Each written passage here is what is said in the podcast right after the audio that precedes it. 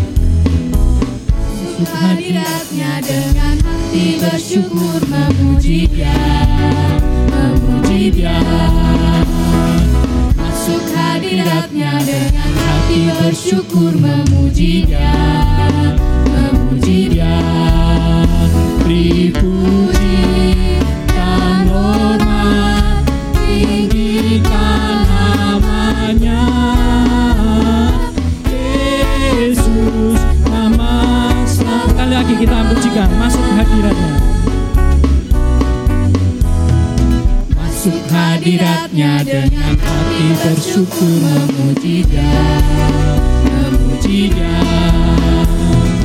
Masuk hadiratnya dengan hati bersyukur memuji dia Memuji dia Beri puji dan hormat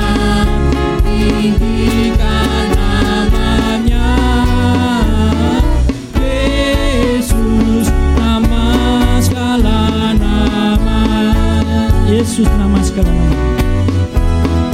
Yesus nama segala nama. Yesus nama segala nama.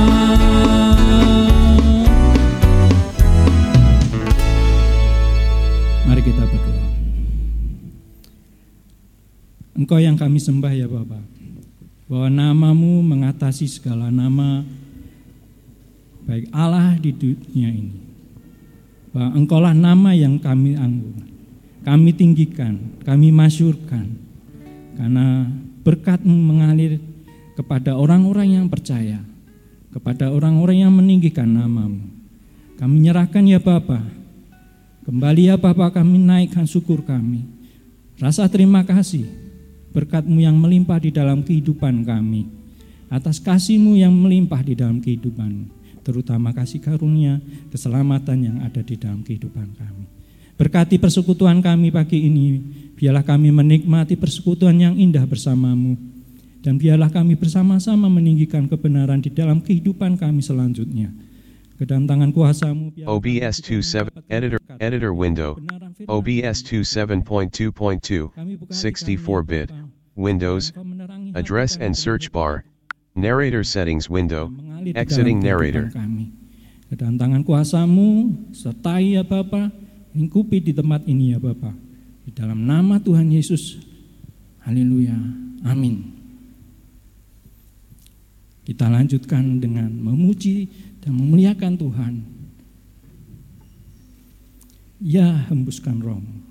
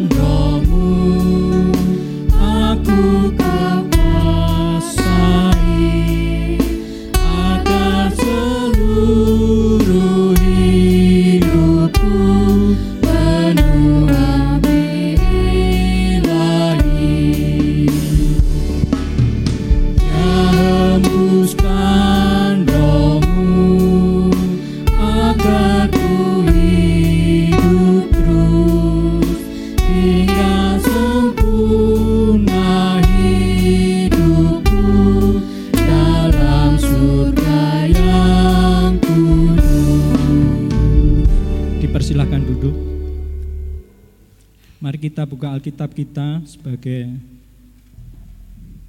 pembacaan ibadah kita hari ini. Di dalam Yohanes 7 ayat 37 sampai 36 kita akan bacakan secara bersama-sama. Yohanes 7 ayat 37 sampai 39. Air sumber yang hidup. Satu, dua, tiga. Dan pada hari terakhir, yaitu pada puncak perayaan itu, Yesus berdiri dan berseru, Barang siapa haus, baiklah ia datang kepadaku dan minum. Barang siapa percaya kepadaku, seperti yang dikatakan oleh kitab suci, dari dalam hatinya akan mengalir aliran-aliran air hidup. Yang dimaksudkannya ialah roh yang akan diterima oleh mereka yang percaya kepadanya, sebab roh itu belum datang karena Yesus belum dimuliakan. Damai dan tenang akan mengiringi kita memberikan persembahan dan perpuluhan di mana persembahan dan perpuluhan dan persembahan khusus untuk gedung. Mari kita pujikan di mana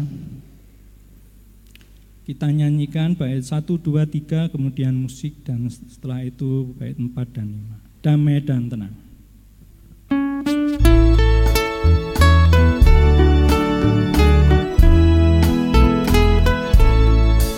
Sukacita mengalirlah itu karya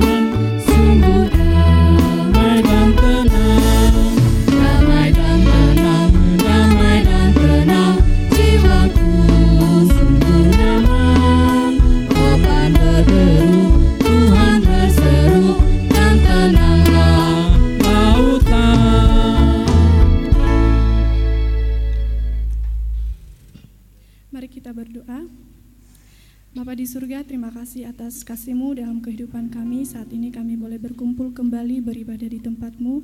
Tuhan Yesus, pada kesempatan ini kami akan memberikan persembahan persepuluhan kami. Tuhan yang memberkati setiap persembahan persepuluhan kami ini Tuhan Yesus menjadi persembahan yang harum di hadapan-Mu. Terima kasih Tuhan Yesus, di dalam namamu kami telah berdoa dan mengucap syukur. Amin. Batu karang pelindungan.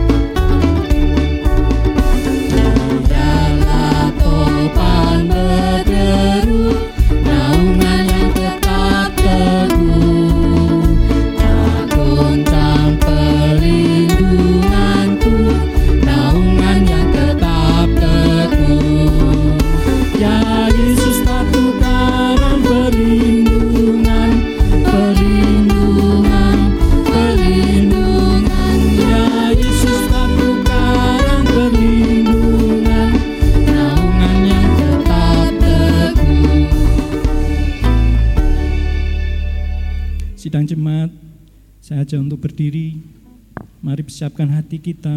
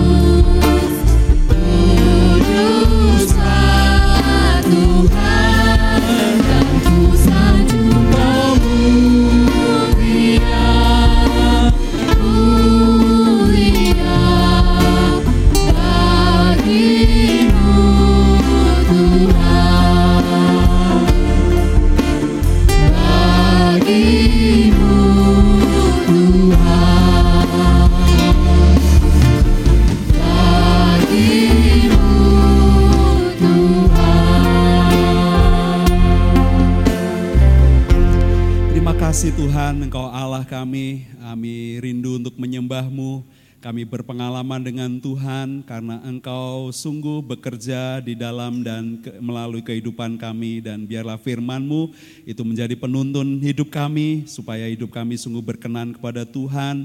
Dan juga kami diberkati, kami juga bisa menjadi berkat bagi banyak orang. Terima kasih Tuhan, inilah doa dan permohonan kami di dalam nama Tuhan Yesus Kristus kami berdoa.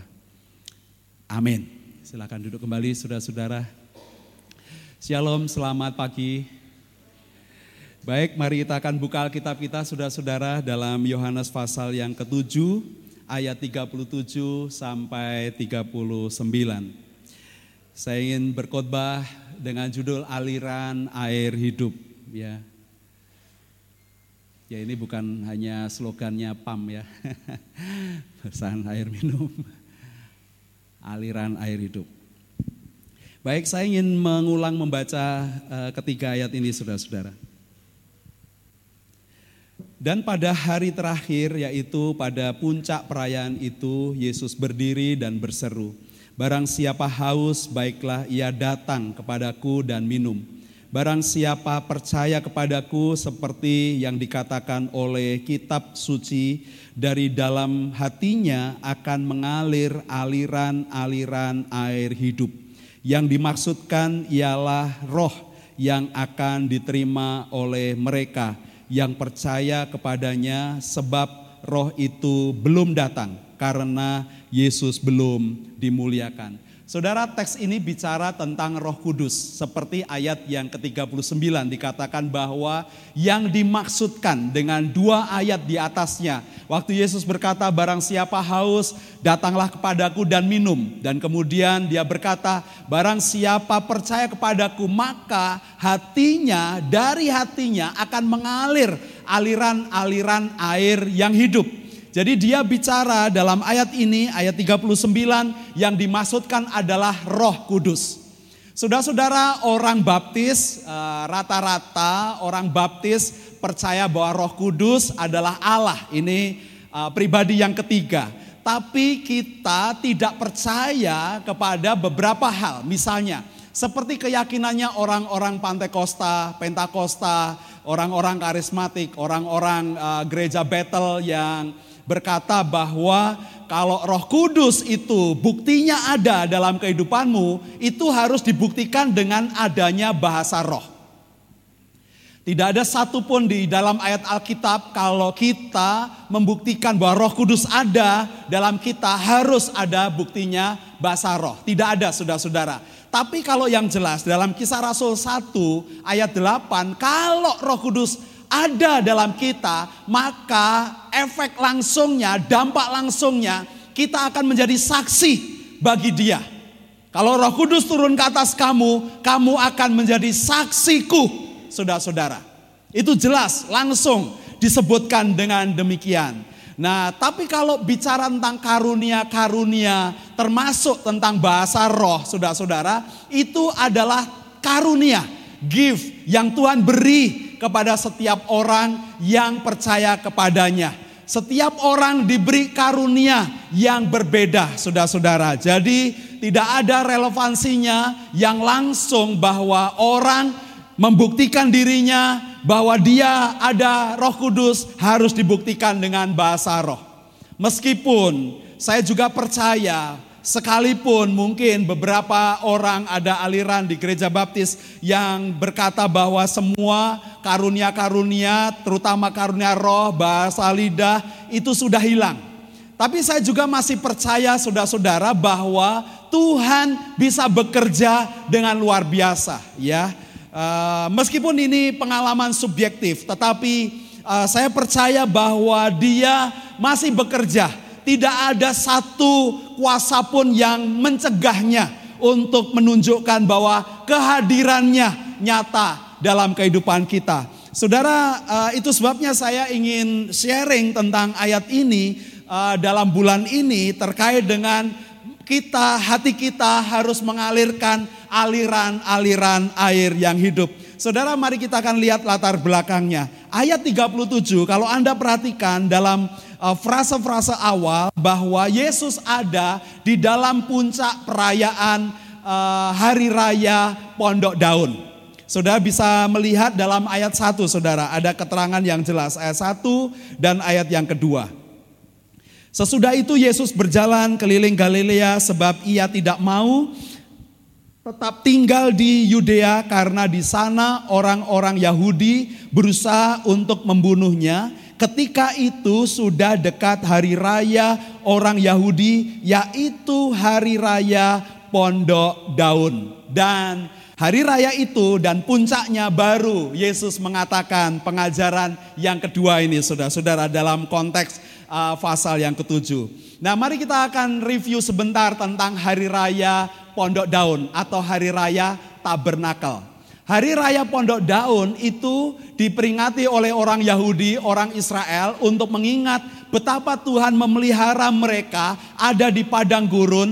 Dia menyediakan makanan dan air yang tidak pernah terlambat dan selalu suplai dengan luar biasa, dengan caranya yang ajaib. Dan orang-orang Yahudi, waktu mereka dibuang, waktu mereka kembali, mereka selalu mengingat itu. Dan itu menjadi peringatan bagi mereka setelah mereka ada di tanah Kanaan dan mereka tinggal bersama. Mereka harus mengadakan perayaan Hari Raya Pondok Daun selama tujuh hari, saudara-saudara. Dan puncaknya waktu Yesus mengatakan bahwa sesuai dengan ini dikatakan barang siapa haus baiklah ia datang kepadaku dan minum. Saudara ini yang dimaksudkan hari raya tabernakel atau hari raya pondok daun itu mereka membawa uh, segala hasil bumi kepada uh, rumah Tuhan. Mereka membawa semua hasil tuayan saudara-saudara. Waktu mereka membawa itu, mereka harus uh, membuat tenda di pelataran mereka. Mereka tidak tinggal di rumah, tapi mereka tinggal di tenda selama tujuh hari itu. Dan itu mengingat betapa Tuhan sudah membimbing orang-orang Israel dan melindungi mereka. Dan tinggal di kemah-kemah di padang gurun dengan suplai makanan dan air dan cukup. Jadi ini adalah peringatan betapa pemeliharaan Tuhan yang luar biasa. Saudara juga bisa membaca di dalam Imamat 23 ayat 33 sampai 43 tentang aturan tentang pondok hari raya pondok daun atau tabernakel. Atau juga tabernakel itu bicara tentang kemah suci saudara-saudara. Tentang meja persembahan. Itu ada di dalam bait Allah itu disediakan di sana. Jadi saudara bisa ingat misalnya waktu Daud kelaparan, saudara-saudara dia datang ke bait Allah dan ada dalam meja persembahan dan dia makan roti di sana. Ya, saudara-saudara itu uh, hal yang dikerjakan di hari raya Tabernakel atau hari raya Pondok Daun dan hal yang penting yang Yesus katakan adalah tentang air, saudara-saudara. Nah, mari kita akan lihat yang pertama, saudara-saudara. Ayat yang ke-37 ini. Barang siapa haus, baiklah ia datang kepadaku dan minum. Saudara, saya mengartikan ini adalah undangan Yesus kepada bangsa-bangsa. Undangan Yesus kepada umat manusia. Undangan Yesus untuk mereka datang kepada Dia dia minta supaya setiap bangsa-bangsa datang kepada dia. Satu, untuk menyembahnya, untuk percaya bahwa dia adalah Mesias yang diutus, saudara-saudara. Anda bisa membandingkannya, Anda lihat di beberapa ayat setelahnya, ayat yang ke-41 dan ayat 42. Yang lain berkata, ia ini Mesias, tetapi yang lain lagi berkata, bukan. Mesias tidak datang dari Galilea karena kitab suci mengatakan bahwa Mesias berasal dari keturunan Daud dan dari kampung Bethlehem tempat Daud dahulu tinggal. Saudara, waktu Yesus berkata tentang air hidup, dia berkata kepada orang-orang Israel waktu itu, "Datanglah kepadaku bagi mereka yang haus dan minum." Dia mau menunjukkan, dia membukakan dirinya, dia memproklamasikan dirinya sebagai Mesias, saudara-saudara. Buktinya ada orang memberi tanggapan yang berbeda. Ada orang yang percaya dia ini Mesias.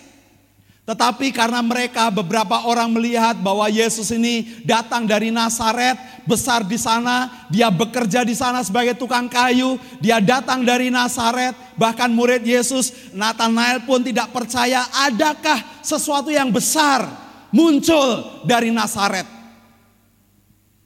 Jadi ada beberapa orang juga tidak percaya, tapi kriteria yang dia sampaikan bahwa Mesias harus datang dari keturunan Daud, Mesias harus datang dari kota Daud yaitu Bethlehem dan Mesias harus berasal dari keturunan Daud dan kampung Bethlehem tempat Daud dahulu tinggal. Saudara-saudara, mereka tidak bisa mengidentifikasikan jelas tentang Yesus, tapi mereka tahu kriterianya.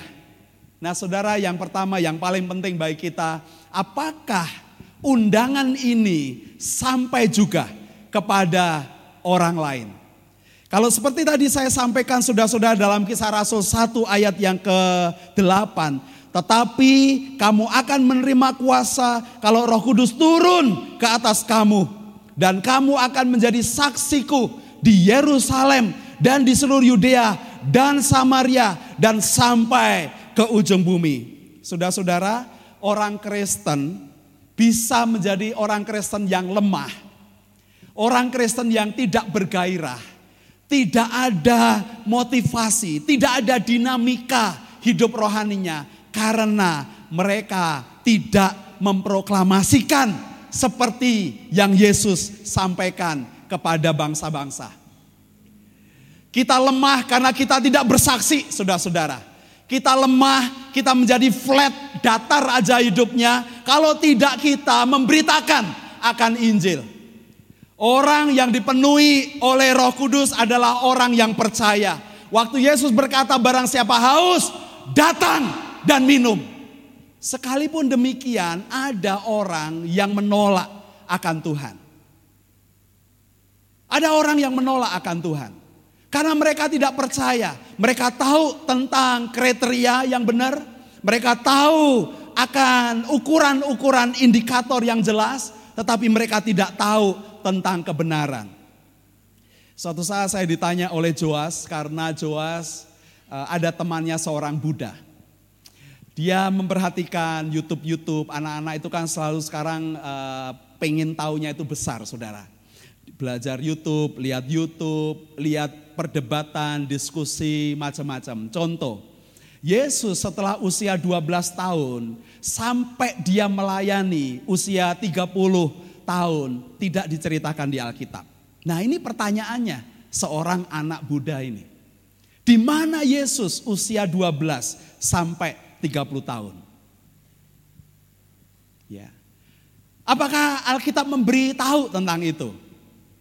Ya, kalau saya yakin mesti Tuhan dengan firman yang ajaib bisa beritahu kepada kita. Oh iya, waktu dia usia 30 tahun, apa sebelumnya yang dia lakukan apa?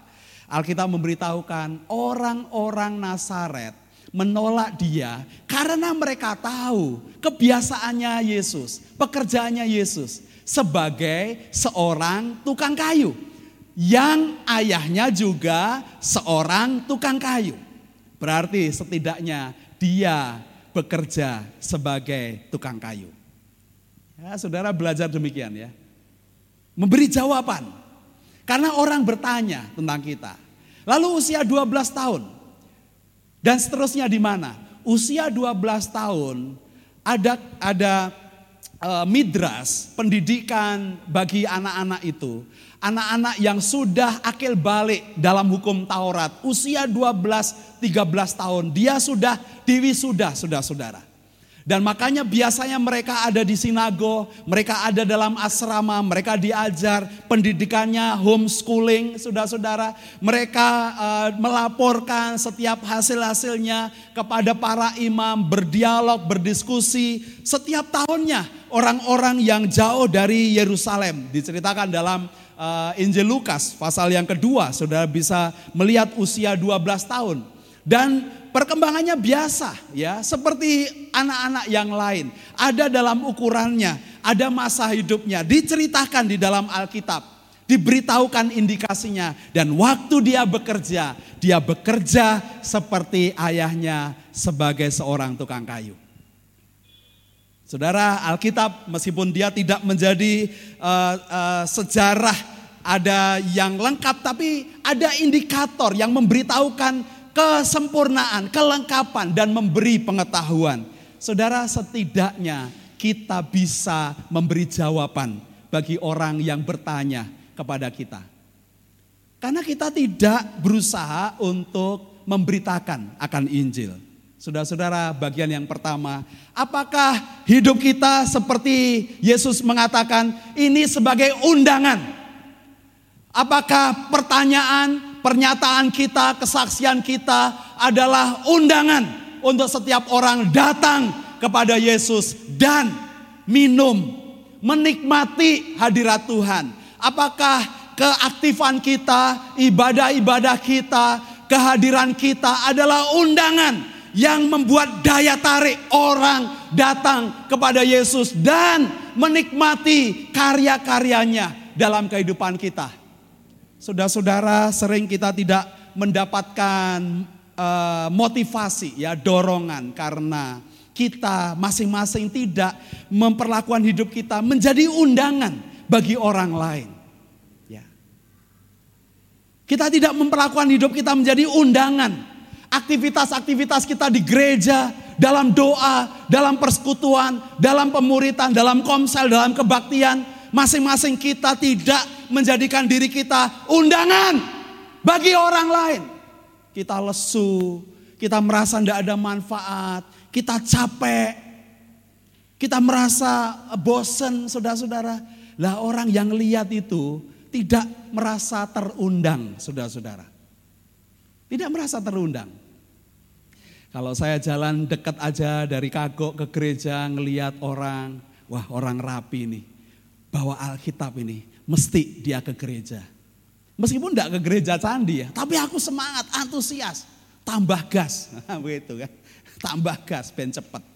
Wah ini pagi-pagi, wah ini uh, kita ke gereja lihat, wah ini ke gereja dia berdoa, wah tambah semangat saudara-saudara. Yang pertama, apakah kita hidup menjadi undangan bagi orang lain? Seperti Yesus. Dia mengundang barang siapa haus, mari datang dan minum. Saudara kita perlu punya demikian ya, baik pribadi-pribadi kita, pendetanya. Aku nyiapin khotbah uh, dengan baik-baik. Belajar baik-baik. Aku juga mau nyiapin khotbah, saya melakukan tugas tanggung jawab saya, punya pengalaman supaya baik-baik. Supaya khotbahnya adalah khotbah yang dikerjakan, saudara-saudara. Khotbah-khotbah yang berpengalaman dalam kehidupan saya pribadi. Dan itu yang membuat saya bergairah. Aku tidak tergantung kepada saudara-saudara. Aku tidak bergantung pada orang-orang. Tapi apa yang baik menjadi hal ini menjadi undangan. Karena aku pengen jadi undangan. Saudara-saudara. Sampai ada orang WhatsApp, saya udah beberapa kali sharing ini ya. WhatsApp, pendeta kebaktiannya jam berapa? Oh iya jam sekian, kenapa? Aku pengen, aku sedang cari gembala. Aku sedang cari gembala. Aku sedang cari gereja. Ya, ya sudah-sudah harusnya demikian ya.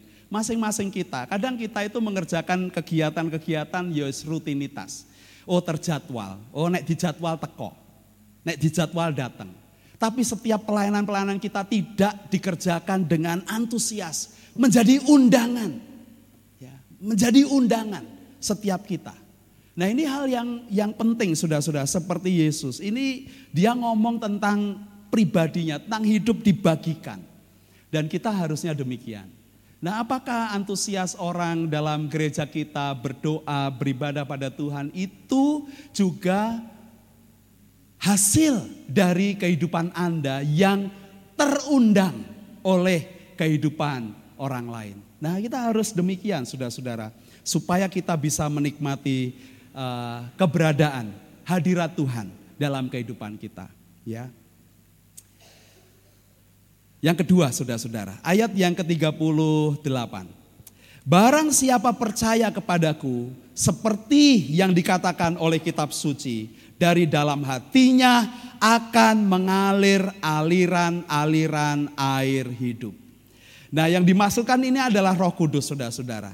Roh Kudus. Waktu ini ada stepnya. Jadi yang pertama ini kumpulan orang yang belum percaya tapi ayat yang ke-38 ini adalah kumpulan orang yang sudah percaya. Disebutkan itu, barang siapa percaya. Barang siapa percaya seperti dikatakan kitab suci, maka hatinya akan dikuasai oleh Roh Kudus, dipenuhi oleh Roh Kudus, dari hatinya akan meluap, mengalir aliran-aliran air yang hidup. Saudara ini yang dimaksudkan oleh Yesus. Kalau kelak sampai di puncak hidup kita, saudara-saudara. Kalau ini puncak perayaan, kalau puncak hidup kita, kelak kita akan diangkat oleh Yesus, bertemu dengan dia di awan-awan dan dibawa masuk dalam kerajaan surga. Itu puncak hidup kita bersama-sama dengan dia, saudara-saudara. Kalau selagi kita ada di bumi ini, puncak kita adalah kematian, kalau kita ada dalam sejarah hidup kita saudara-saudara, puncak Anda adalah apakah Anda orang yang merasa kehadiran Roh Kudus dalam kehidupan Anda? Itu yang hal yang utama, Saudara. Karena Allah ada dalam kita. Kalau Allah ada dalam kita, maka kita harus insaf akan dosa-dosa kita. Kalau Allah Roh Kudus ada dalam kita, kita harus berjalan dalam jalan Tuhan sesuai dengan kebenaran. Kalau dia ada dalam hidup Anda, Roh Kudus ada dalam hidup Anda, dia akan menolong Anda diselamatkan dari penghakiman. Silakan Anda akan membuka dalam pasal yang ke-16, Yohanes pasal yang ke-16. Dari ayat 8 sampai dengan ayat yang ke-11. Yohanes 16 ayat 8 sampai 11 saya baca untuk Anda ya. Dan kalau ia datang, ia ini roh penghibur para kletos ya saudara, roh penghibur para kletos, ia akan menginsafkan dunia akan dosa, kebenaran dan penghakiman. Akan dosa karena mereka tetap tidak percaya kepadaku. Akan kebenaran karena aku pergi kepada Bapa dan kamu tidak melihat aku lagi. Akan penghakiman karena penguasa dunia ini telah dihukum. Saudara-saudara, tiga hal ini. Kehadiran roh kudus, pekerjaannya jelas. Dia akan menginsafkan kita akan dosa. Dia akan membimbing Anda di dalam kebenaran. Dan dia akan membuat kita diselamatkan dari penghakiman. Saudara-saudara itu roh kudus yang berguna dalam kehidupan kita. Dia ada Allah di dalam kita. Saudara kehadiran Allah dalam kehidupan kita. Kadang kita juga tidak menyadarinya. Anggap kita sudah baik-baik aja. Oh yo, aku jadi orang yang baik. Oh aku rak ngelei wong. Ya yo memang orang ngelei wong. Ngelei itu ini ya. Ya memang. Anda, saya, kita semua standar jadi orang baik. Uang dunia ini budayanya ngajarin jadi orang baik. Tapi itu bukan kebenaran, saudara-saudara. Yesus berkata, Yohanes 14 ayat yang ke-6 jelas, akulah jalan. Dia adalah jalan, saudara-saudara. Makanya itu yang akan beroposisi dengan dosa. Akulah jalan dan kebenaran. Ada orang tahu kebenaran tapi tidak mau hidup di dalam kebenaran. Dan yang ketiga, Aku adalah hidup karena kita akan diloloskan dari penghakiman dan hukuman. Saudara-saudara, itu ayat yang seperti klop ya. Itu ayat seperti klop. Dia memberitahukan tentang itu saudara-saudara. Jadi ini adalah satu indikator. Indikator bahwa roh kudus itu bekerja dalam hidup kita. Dalam hati kita saudara-saudara. Dia akan menginsafkan kita akan dosa. Ya. Ya, sudah-sudah kita perlu peka untuk kesalahan, untuk dosa. Kadang kita ojo ndablek saudara-saudara. Jangan bebal kalau kita oh ini salah, peka, oh ini salah. Itu karena ada Roh Kudus dalam kita menginsafkan kita. Oh iya, aku ngomongnya gak bener ini. Oh iya, aku mikirnya tidak bener ini. Oh bener, aku bersikap tidak tepat. Aku mengambil keputusan yang tidak tepat. Saudara-saudara, Roh Kudus menginsafkan kita akan dosa dan kesalahan kita. Dan dia menuntun kita kepada kebenaran. Supaya kita lolos dari penghakiman. Nah yang paling besar adalah kita supaya percaya kepada Tuhan. Maka ayat 38 tadi katakan barang siapa percaya kepada Tuhan. Saudara, implikasi yang kedua adalah hasil dari Roh Kudus yang bekerja dalam hidup kita. Mari kita akan membuka di dalam Galatia 5 Galatia 5 ayat yang ke-22 23 Saudara-saudara. Tetapi buah roh ialah kasih, sukacita, damai sejahtera, kesabaran, kemurahan, kebaikan, kesetiaan, kelemah lembutan, penguasaan diri. Tidak ada hukum yang menentang hal-hal itu. Tentang buah, saudara-saudara. Tentang hasil aliran-aliran air yang hidup dalam kehidupan kita. Ya semua kita punya kelemahan ya.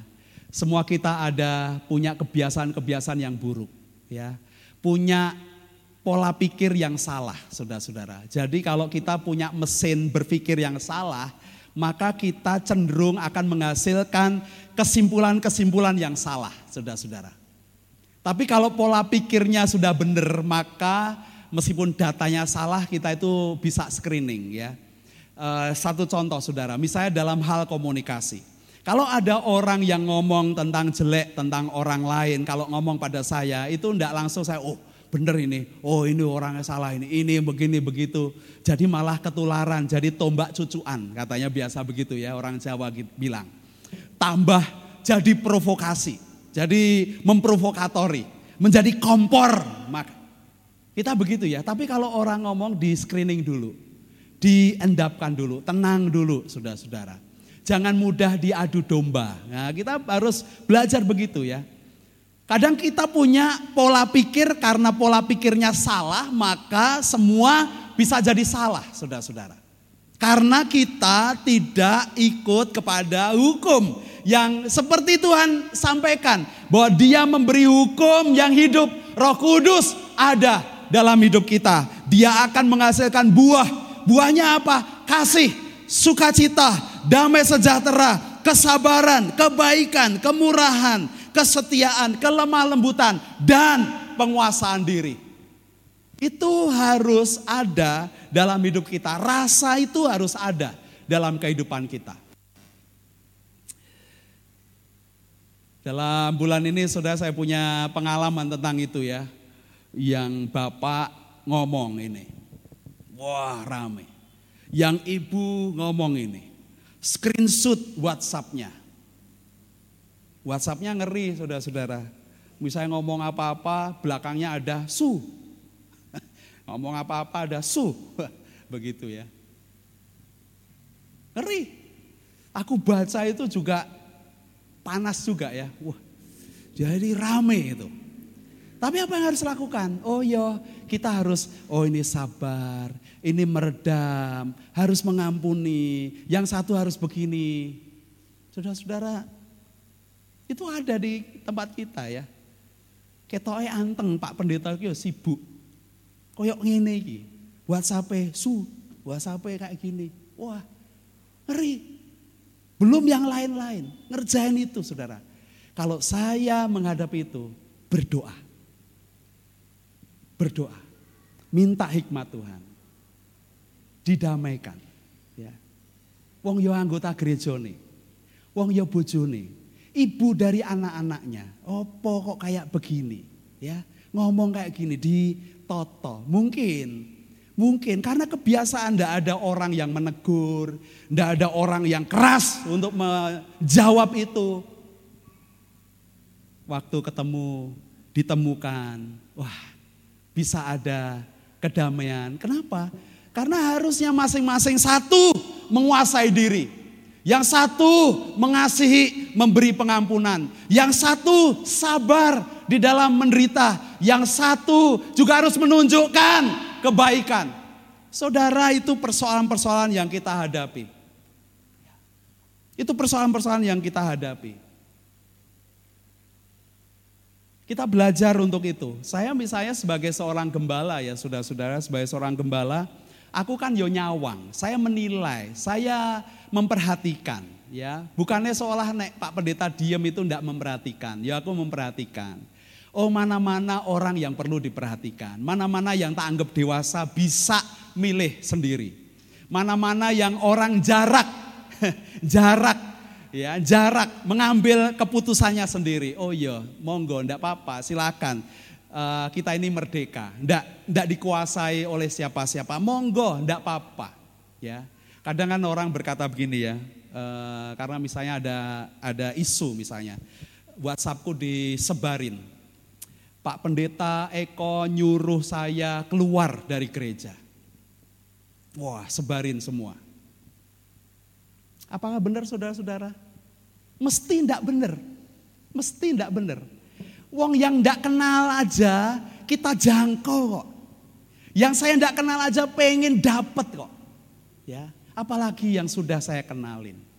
Ya setiap orang punya pilihannya masing-masing. It's okay, tidak ada masalah. Wong toh yang datang ke gereja ini juga banyak yang bukan anggota gereja kita. Ya, banyak. Gimana perasaannya? Saya misalnya. Gimana perasaannya? Gereja lain kan tidak. Yang kebaktian, simpatisan datang, toh tidak menjadi anggota gereja. Mereka aktif mendukung kita, wah luar biasa. Mereka pulang beribadah aktif di gerejanya, oh luar biasa. Mereka pindah hal yang biasa. Jemaat, gereja, anggota gereja bukan milik saya, saudara-saudara. Bukan milik saya. 1 Petrus pasal 5 ayat 1 sampai 4 mengatakan gembalakanlah kawanan domba Allah yang ada padamu jangan dengan paksa. Saya ngomong keras ini supaya Anda tidak tidur. Ngantuk boleh, tidur jangan. Kan itu ya. ya Bu, ngantuk tidak apa-apa. Tadi pagi saya bilang tepuk eh, pundak sebelahnya boleh ngantuk, jangan tidur. Ya, itu ya. Boleh ngantuk, tapi jangan tidur. Gembalakanlah kawanan domba Allah yang ada padamu. Jangan dengan paksa. Aku yang tidak pernah maksa kan. Ya, Orang-orang tertentu aja yang tak paksa karena kita pingin mendapatkan pekerja-pekerja. Saudara, gereja kita sedang nyusun uh, panitia perancang gereja. Uh, panitia pencalonan selalu datang ke saya kan, bisa minta pendapat. Selalu pendapatku sama. Semua anggota gereja punya hak, punya kewajiban, punya tanggung jawab tanpa terkecuali melayani. Jangan yang 4L. Lu lagi, lu lagi, lu lagi ya. Jangan lu lagi, lu lagi. Semua orang punya kesempatan, tapi sistem itu kan perlu diatur, saudara-saudara. Mesinnya itu kan perlu diatur. Jadi setiap orang masuk ke dalam tahapannya supaya kita bisa terlibat. Kita ada di dalam gigi persneling yang sama. Kita juga bisa ada percepatan karena hari Tuhan kian mendekat. Saudara-saudara pelayanan kita harus ke arah itu supaya kita sungguh bisa bermakna hidup kita karena sungguh jiwa-jiwa pelayanan-pelayanan kita lakukan dengan setia.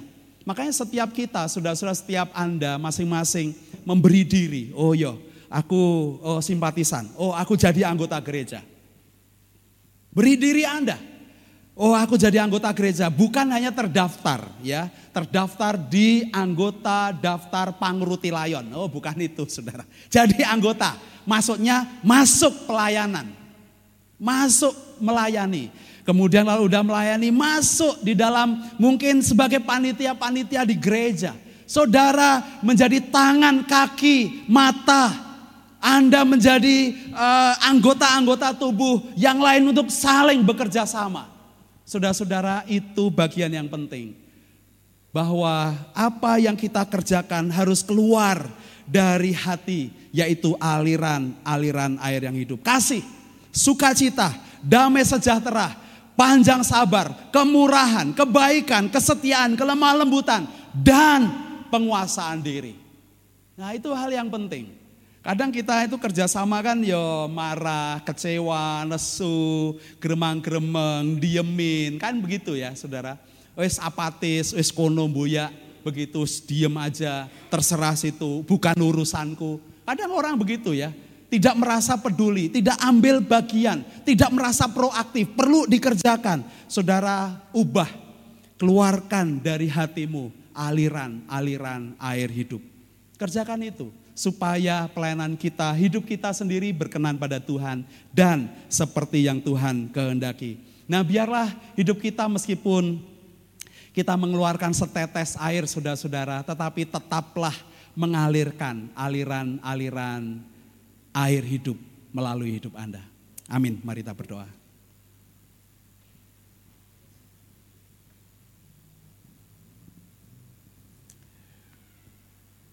Saudara ini panggilan bagi kita. Mungkin ada di antara saudara yang rindu untuk percaya bahwa Yesus adalah Tuhan.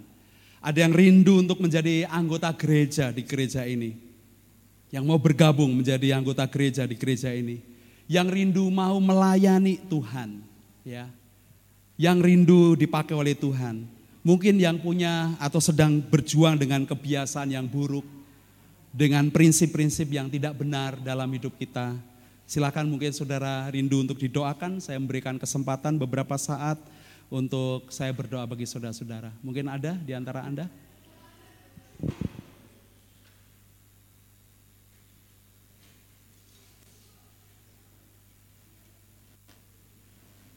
Baik, jika tidak ada, mari kita akan berdiri bersama-sama. Kita akan berdoa, bersyukur untuk firman Tuhan, bersyafaat, dan kita menutup dengan doa berkat. Terima kasih Tuhan. Biarlah Roh Kudus yang sudah Tuhan beri dalam hidup kami, Allah yang tinggal dalam hidup kami, adalah Allah yang menuntun hidup kami, memimpin pikiran kami, memimpin pola perasaan kami, supaya perbuatan kami sungguh memuliakan Tuhan. Ampuni setiap salah dan dosa kami, beri keinsafan Beri kesadaran, kami sadar akan dosa, kami insaf akan dosa. Supaya kami bisa berkenan kepada Tuhan. Terima kasih Bapak, terima kasih kami saat ini jemaatmu berdoa untuk bangsa kami secara khusus untuk pemilu 2024 di bulan Februari nanti. Dan persiapannya sudah mulai berjalan.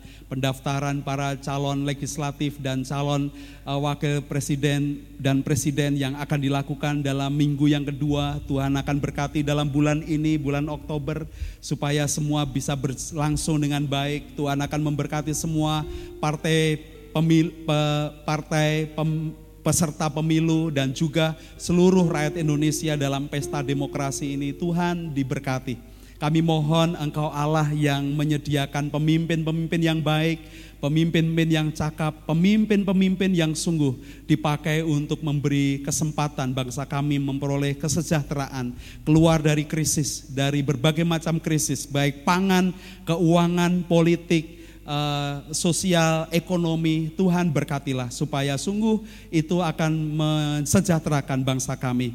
Kami berdoa untuk bangsa-bangsa lain yang sedang juga dilanda dengan kesulitan, kelaparan, kekurangan pangan, uh, pasokan pangan dan semua bisa uh, tercukupi. Biarlah ada kolaborasi di antara bangsa-bangsa untuk saling memperhatikan karena beberapa negara sudah menahan tidak mengekspor produksi uh, beras produksi pangannya ke negara lain. Itu sebabnya Kami mohon terobosan untuk dunia global yang sedang mengalami kesulitan dan tantangan besar di masa kekeringan hari ini, panas, uh, suhu panas bumi uh, secara global yang besar. Dan kami mohon supaya Tuhan akan menolong memberkati. Ada kebersamaan, kesetiaan, kawanan di antara bangsa-bangsa untuk memberhentikan perang yang masih berkecamuk. Dan kami mohon biarlah semua akan terjadi karena kasih dan setia Tuhan memberkati uh, kami semua. Terima kasih Bapak, pakailah gereja kami melalui pelayanan misi dan diakonia, pakailah uh, compassion kami, PPA kami, Berkati juga sekolah kami supaya kami bisa memuridkan. Semakin banyak orang memberitakan akan kasih Tuhan Injil kepada orang lain. Dan kami juga menjadi gereja Tuhan yang sungguh menjadi berkat, berpengalaman dengan Tuhan. Dan biarlah melalui gereja ini hati kami mengalirkan aliran-aliran air yang hidup. Terima kasih Bapak, inilah doa dan permohonan kami. Di dalam nama Tuhan Yesus Kristus kami berdoa. Jemaat Tuhan pulanglah Bawalah berkat dan kasih sayang dari Bapa di dalam Tuhan Yesus Kristus dan Roh Kudus dengarkanlah dia. Maka dia akan memberitahukan jalan-jalannya kepadamu sehingga engkau diberkati. Diberkati dengan kasih dan sukacita. Kebajikan dan kemurahan Tuhan akan mengikutimu ke mana pun kau pergi. Engkau akan diberkati dengan kesehatan, perlindungan dari segala macam penyakit dan bahaya. Dia akan memberkatimu dengan anak-anak dan keturunanmu akan jadi berkat bagi bangsa-bangsa dia juga akan memeliharakan kehidupanmu secara total, melimpahkan rezeki dengan murah hati, dan setiap tangan-tanganmu yang bekerja diberikan keterampilan, keberhasilan, dan keberuntungan. Dan saksikanlah pada orang lain apa yang sudah Bapamu perbuat dalam kehidupanmu sehingga orang melihat perbuatan Bapamu yang baik, yang ajaib itu, dan mereka juga menyembah Bapamu yang di sorga. Terima kasih Tuhan Yesus, inilah ibadah kami, korban syukur dan puji-pujian kami naikkan untuk Engkau saja, Yesus Kristus, Kepala Gereja kami, dari sekarang sampai selama-lamanya. Haleluya. Amin.